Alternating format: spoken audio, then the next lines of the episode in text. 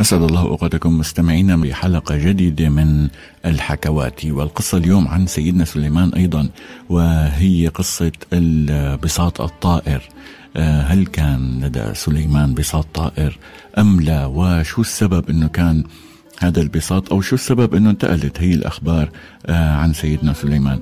يقال بأنه سيدنا سليمان كان بحب الخيل جدا جدا خصوصي نوع معين اسمه الصافن. وجمع الصافن الصافنات وهذا يعتبر من أجود أنواع الخيول. وبيقول أنه آه، هي صفة مو نوع فالصافن هو الخيل القائم يلي واقف على ثلاث أرجل ورافع رجل وحدة بحيث بلامس طرف الأرض.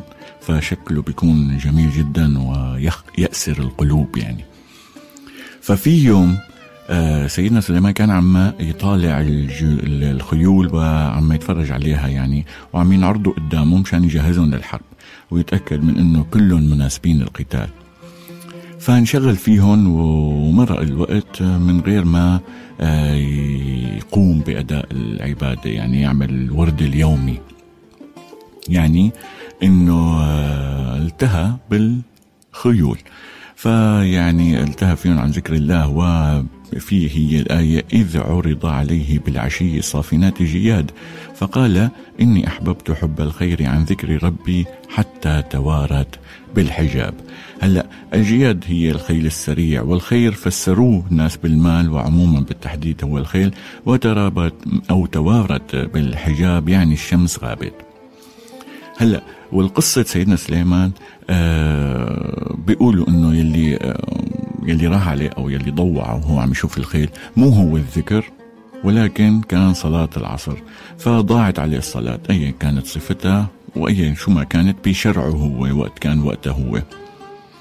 آه وكان لأنه كانت وقت العصر يعني ما كانت خمس صلوات مثل عندنا بالإسلام ولكن كانت صفة معينة عند بني آه سليمان عند آه قوم سليمان وعند سليمان. فلكن لأن كانت وقت العصر قالوا أنها هي صلاة العصر آه لما قال آه لما سئل الرسول صلى الله عليه وسلم قال إنه آه هي الفتنة يلي افتتن فيها سليمان هن الجياد والمهم هو ندم وأمر بأنه الخيل يلي كانت موجودة قدامه ولهته عن ذكر الله بأنه آه ترجع لعنده فجابوا له إياها. فقال أنه آه ردوها علي. هي بالقرآن بسورة بسورة صاد بالآية 33 فطفق مسحا بالسوق والأعناق. هلا هي لها تفسيرين؟ في قصة أو تفسير بيقول إنه سيدنا سليمان قتلهم مشان يضحي بالشغلة اللي بيحبها آه لأنه شغلته عن الله تعالى. وفي ناس تانيين قالوا آه لا يعتبر هذا الذبح آه ظلم يعني. إنما قربان لله وأنه ذبح الحيوانات تقربا لله جائز طالما كانت مأكولة والأنبياء والصحابة يعني كانوا لما يحبوا أي شغلة أو تشغلهم عن ربهم كانوا يستغنوا عنها علشان يعني يبعدوها عن قلبهم ويكون في أو يبعدوا عن قلبهم أي حب زايد عن حب الله. هلأ التفسير الثاني إنه مسح على رأسهم اكراما وحبا وقال أنت في سبيل الله يعني أطلقه. يعني بمعنى انه استغنى عنهم فأطلقهم بالبراري. آه بنفس الفكرة أنه حب يبعد عن قلبه الشغلة اللي شغلته عن ربنا. هلأ آه كان آه الاختبار يعني آه كبير على سيدنا سليمان لأنه البلاء بيبقى على قدر المبتلى فكان بلاء سيدنا سليمان بلاء عظيم واختبار صعب. وإجا بالقرآن يعني ولقد فتنا سليمان. هلا آه، قصة آه، آه، سيدنا سليمان بأنه لما قتل فهلا بدنا نرجع للإسرائيليات فلما بيقولوا أنه لما قتل سليمان الخيول ما عاد في خيل تحمل المقاتلين أو الجنود اللي تحت أمره أو جيشه. يعني ما كانوا موجودين الخيول لحتى يحملوا جنود أو لما أطلقهم بالبراري فما كان موجود خيول حتى تحمل الجنود. فبنى قطعة من الخشب كبيرة جدا يعني آه، واسعة وكانت هي القطعة من الخشب كانت يحمل عليها الجيش كان يقف الجيش عليها وتحملها الرياح لمسافات أو للمكان اللي بدهم إياه. آه هذا النقطة آه يلي بتقول إنه ما كان هو بساط. ريح ولكن كان خشبة أو آه لوح خشبي كبير جدا. هو يلي كان يحمل آه، جيش آه سليمان.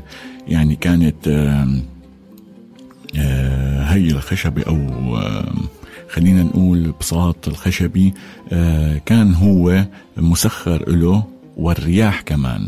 كانت آه، مسخرة لسيدنا سليمان فحملت هذا البساط الخشبي الكبير يعني.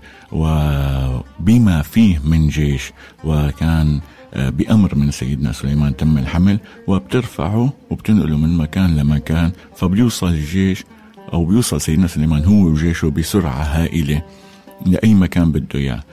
يعني آه، فبيقول آه، المفسرون إنه الله تعالى وهب له الريح تعويض عن الخيل بعد ما إنه ندم عن آه، إنها شغلته عن ربه. فالندم والتضحية باللي بيحبهم في سبيل مرضاة الله خلى الله تعالى يعوضه باللي أحسن وأسرع من الخيل لدرجة أن الرياح كانت بتمشي بيوم واحد قد اللي كانت تمشي الخيل بشهرين.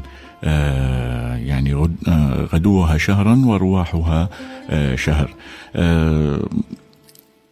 يعني حتى سيدنا سليمان في عنده الكرامات اللي كانت موجودة عنده هي كان قادر على إسالة النحاس وكان النعمة أو الكرامة هي اللي كانت لداود بأنه هي إسالة الحديد. كان داود قادر على إلانة الحديد. أما سيدنا سليمان فكان على إسابة وإسالة النحاس واستخدم النحاس بقصص كثيرة وكان بحارب فيه وبيعمر بالبلد فيه. وكان عنده جيش عظيم جدا من بشر وجن وطيور وبيعرف لغتهم بشكل كامل. كلهم كانوا يحملوا على هذا البساط الخشبي وينتقل فيهم من مكان لآخر هيك بنكون وصلنا لنهاية حلقتنا اليوم من الحكوات مع بساط سيدنا سليمان. أنا بدي أتمنى لكم إفطار شهي وصيام مقبول على طول أو ما تبقى من الشهر وإلى اللقاء.